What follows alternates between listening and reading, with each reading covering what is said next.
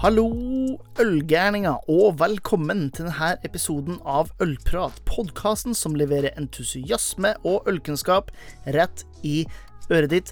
Mitt navn er som alltid Jørn Idar, og i dag er det en aldri så liten soloepisode som du får servert i øregangen din, eh, rundt et tema som jeg brenner ganske mye for, nemlig øl og mat. Men før jeg setter i gang med det, så må jeg bare si en stor takk til alle patrions som støtter podkasten med et par kroner, holder hamsterhjulene gående og ja, rett og slett her øltoget i god driv framover. Jeg tenkte jo å snakke litt rundt det her temaet øl og mat. Og jeg kan jo advare allerede. En liten plugg blir det, en liten sjølreklame for den kommende boka. Men jeg tenkte at det er litt sånn viktig å sette litt kontekst til, til det her temaet som jeg alltid prøver å inkludere i episodene mine. Og, og aller første gangen jeg ble oppmerksom på det her med øl og mat, det var på en internutdannelse eh, i Vinmonopolet. Jeg hadde allerede da fått servert øl og mat i kombinasjon tidligere, etter at jeg flytta til, til, Oslo. Men det var under denne utdanninga at vi hadde en faglig seminar to dager på et hotell, der vi gikk gjennom vin og brennevin og øl og i det hele tatt. Og på kvelden så var det klart for en, rett og slett en god femrettersmeny, om jeg ikke husker helt gærent. Der det var satt to forskjellige drikker til hver rett, og så skulle vi på en måte ja, finne det vi syntes var den beste kombinasjonen. Og vi hadde en dessert, husker ikke hvilken dessert det var, og vi hadde en dessertvin, og vi hadde en øl, husker ikke hvilken vin eller hvilken øl det var, eh, men vi rundt bordet var enige om at det var ikke noe tvil om at ølen var den som passet best til desserten. Altså en, en majoritet, åtte av ti, var enige om at en øl var det som passet best til desserten, og når det skulle stemmes om, så var vi kun tre-fire stykker som stemte for at eh, ølet var det som passet best til. Og etterpå så spurte jo selvfølgelig de rundt bordet om uh, hvorfor de hadde stemt på den, den matchen de ikke syntes var, var, best.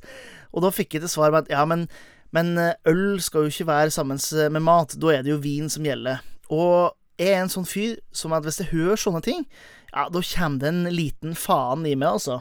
Og jeg har rett og slett bare ja, gått langt ned i det øl og mat-universet, og, og jeg har fokusert på da i ja, de siste ti årene, egentlig, og prøvd å få ølet tilbake på den naturlige plassen på matbordet gjennom diverse ting.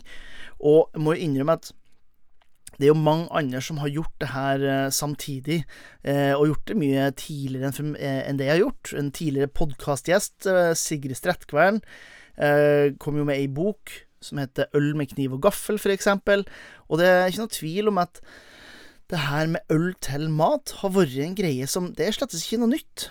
Altså, vi tenker det kanskje som en eh, i hermetegn ny oppfinnelse, men sannheten er jo det at eh, sånn som Vossaøl, eksempel, passer jo enormt godt til smalahove. Og hvis man ser på hvordan drikke har utvikla seg i resten av Europa, det er litt bedre dokumentert, så har jo vinstiler, ølstiler, brennevinstiler utvikla seg i forhold til hvilken type råvarer og hvilken type mat som ble servert.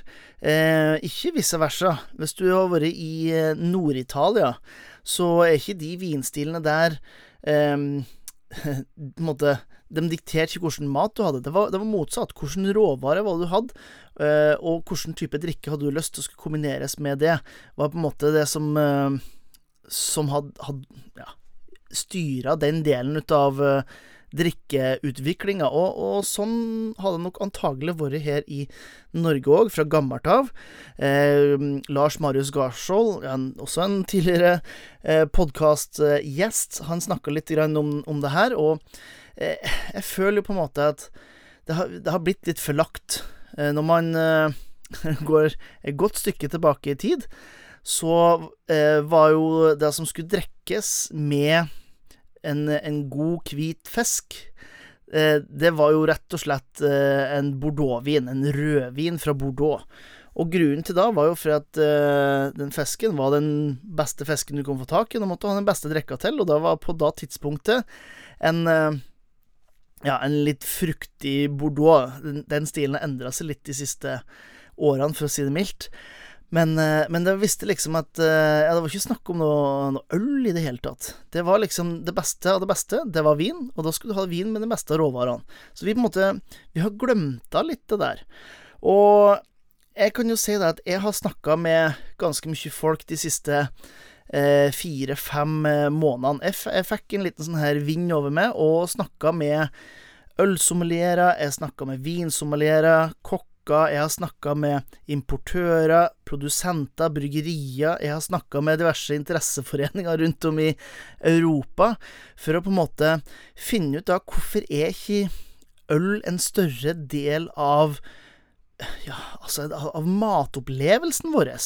Og det er jo noen land som gjør det veldig bra, eksempel sånn som i Belgia. Der er jo øl en helt, helt naturlig og nesten sånn essensiell del av matopplevelsen. Um, men de er på en måte et, et hederlig unntak. Og mye av grunnen til at eh, det er et hederlig unntak, har jeg blitt fortalt av uh, de belgierne jeg har snakka med i forbindelse med lille researchen jeg har gjort. Det er rett og slett det at uh, øl har vært så dominerende. De har ikke hatt noen annen eh, alkoholtyper å sikte til, og øl har vært en, en, kulturbærer, en veldig viktig inntektskilde for staten, og har vært noe som har vært eh, ja, rett og slett no en naturlig del av eh, av mat- og drikketradisjonen deres. Eh, og da har de bare holdt på å fortsette å utvikle da i de siste 40-50 årene, etter hvert som de har fått større og større bryggerier, så har de bryggeriene òg vært flinke til å rett og slett fokusere på å inkludere øl som en del av matopplevelsen. Um, så Belgia, som sagt, er unntaket. Fordi jeg føler jo at det er mange som snakker om øl og mat, men det skjer jo veldig lite. Så et par av de tilbakemeldingene jeg har uh, notert meg og, og drar med meg videre, det er rett og slett uh, to hoved... Uh, to hovedknagger som jeg, jeg putter det på. Det ene er ølets eh, status. Snakka litt med, eh, med, det her rundt eh, den hvite fisken og bordeauxen. jeg og Ole Martin Alfsen, faktisk, en gammel podkastepisode. Jeg skal lenke til den i, shownotesen. vi snakka litt om det der. Og det er rett og slett det at statusen til øl er at det er mere for folket mens vin har en litt mer sånn høykultur eh, knytta til seg, eh, som ikke nødvendigvis er rett, men den har det nå likevel. Og det gjør at når man skal ha en fin middag der man skal ha noe god drikke til, så går man for det som er litt mer finkultur, i stedet for det som er på en måte i hermetegn hverdagsdrikka. Og, og, det har gjort at eh, statusen til vin har gått eh, opp, og, og, øl har gått ned eh, i så måte, da. Det betyr ikke at øl Ja, dere, dere skjønner egentlig hva jeg mener, jeg tror jeg, uten at vi skal lage så mye drama rundt det. Men øl er folkelig, og vin har egentlig ikke vært det fram til for de siste fem-ti årene, tør jeg å påstå. Eh, så det er det ene. Og det andre er rett og slett mangel på kunnskap. Altså det er ikke nok kunnskap, både blant de profesjonelle i restaurantbransjen, men ei heller hos konsumenten. Eh, de fleste, de fleste sin eh, ja, hva skal jeg si, assosiasjon til øl og mat er liksom Åge Aleksandersen, fire pils og en pizza. Det fins jo en, en viss herremann med navn Stian Staysman som òg hadde både pizza og, og pils i i en av sangene sine. Og det er på en måte Der ligger kunnskapsnivået eh, tørre å påstå, for majoriteten av nordmenn når det kommer til det å kombinere øl og mat. Som sagt, det gjelder ikke bare vanlig menigmann, men òg de som jobber i restauranter og i eh, barer generelt, da, gastropuber eller hva det måtte være. Så det er rett og slett de to hovedpunktene eh, eh, har vært dratt fram her sånn. En annen eh, ting som ble, har blitt dratt fram fra mine um, italienske venner, faktisk, er jo det at Wien har jobba i mange, mange tiår for å promotere vin til mat, altså sånn kommersielt. Så derfor så har det blitt en etablert sannhet at, uh, at, vin er det man skal ha til maten. Eh, franskmenn begynte med det her på uh, eh, 50-tallet, italienerne på 70-tallet. Så det er på en måte, de har, de har, gjort det her kjempelenge i en strukturert og i en ganske sånn stor måte. Og det gjør òg at, at, vin har funnet sin plass der sånn. Og det gjør òg at vi ser i mediene at det som får oppmerksomhet når det kommer til drikkevare, er jo vin.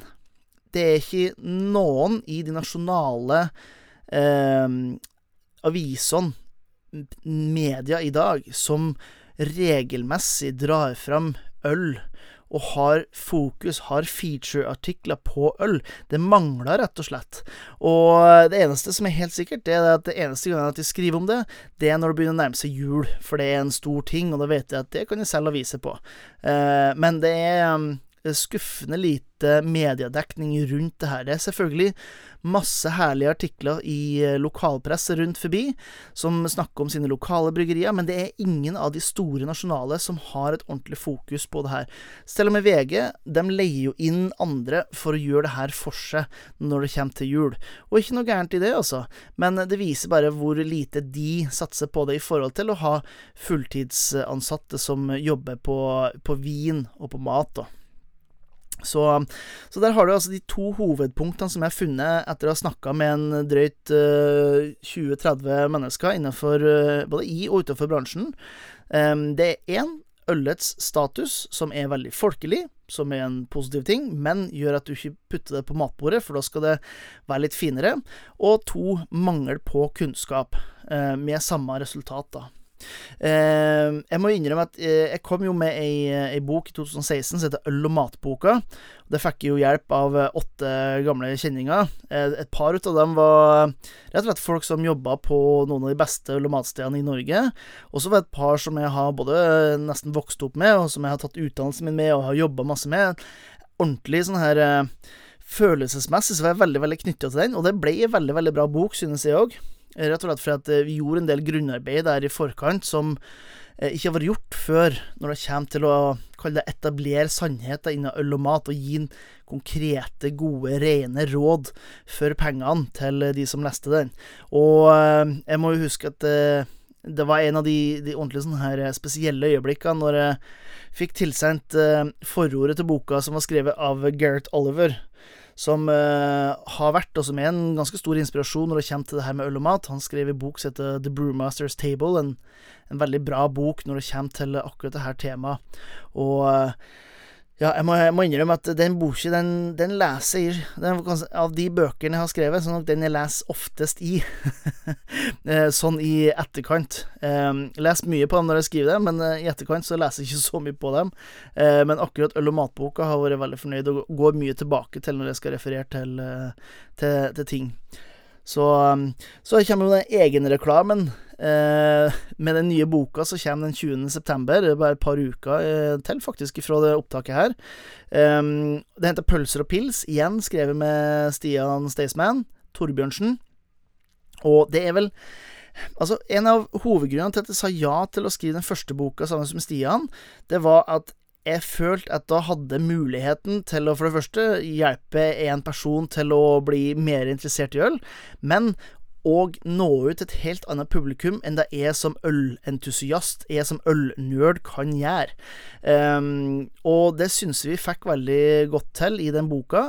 Og den nye boka om pølser og pils, um, der tenkte jeg egentlig akkurat det samme. Det er, altså Temaet i seg sjøl er så basic som du overhodet kan få det. Så langt unna snobbete som det kan bli når det kommer til øl og mat i kombinasjon. Eh, men prøver selvfølgelig å jobbe opp Eh, kunnskapsnivået ute hos de som leser den, og den, eh, det er en sånn bok som jeg føler kommer til å treffe eh, bredt, selvfølgelig, pga. at Stian åpner en del dører.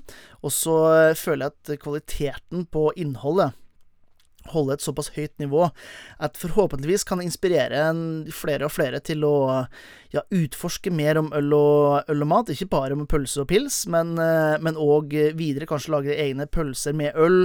Eh, begynne å jobbe med et par av de her eh, byggrindrisotto med viltpølse, eh, f.eks., som jeg har i i boka. Altså en jobber med, med den typen ting, og så ser litt utover hvordan man kan bruke øl i kombinasjon med, eller faktisk i produksjon av maten. Um, så jeg gleder meg til å se hva folk syns om den boka når den, når den kommer. Um, en annen ting som jeg har, har valgt å gjort, nok en liten sånn plugg her helt helt på slutten, det er det at jeg har starta ei gruppe på Facebook som heter Ølkokka. Og det er bare å søke opp Du kan søke opp Ølkokk på, på, Facebook så kjenner det opp ei gruppe, og hele målet med den er å skape et, eh, et lite forum, skape en liten gjeng med folk som syns at det her med øl og mat er både interessant, men òg er noe som kan være med på å berike hverdagen, men som kanskje ikke helt veit vet hvor man skal starte hen. Um, og det vil jeg si at den, den gruppa der, den uh, vil være et veldig bra startutgangspunkt. Jeg deler litt grann greier, og etter hvert så håper jeg at flere kommer til å dele sine oppskrifter, sine erfaringer, sine tips og triks og spørsmål og det hele tatt uh, i den gruppa.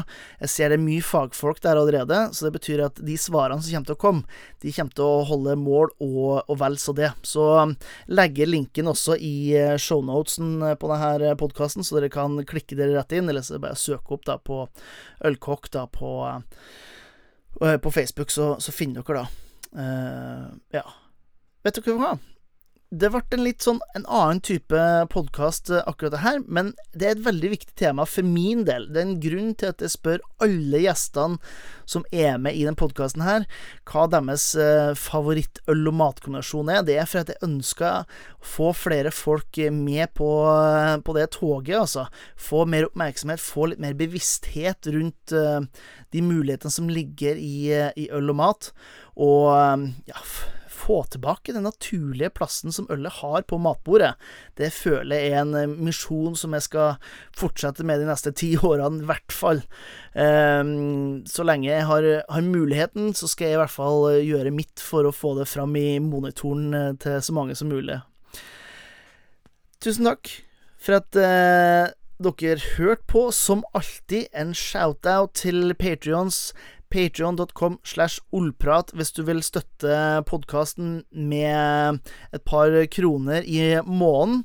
Det, det, hjelper på, faktisk. Det er ikke mange kroner som kommer inn, men det hjelper på. Så gjerne vurder det. Også som alltid, hvis du har lyst på mer daglige doser med øl, øl og mat, oppskrifter osv., så, så, videre, så er det jo bare å sjekke opp uh, eller søke opp Bjørn Idar med høyt skum enten på Facebook eller på Instagram, så skal jeg sørge for å dele det så mye jeg kan faktisk rundt dette temaet i, i ukene, månedene og årene som kommer. Så får du huske til neste gang, selvfølgelig, å putte øl på matbordet neste gang du skal servere noe god mat, men det ølet ja, vet du hva, det må være godt. Fordi at uh, livet, det er for kort for å drikke dårlig øl.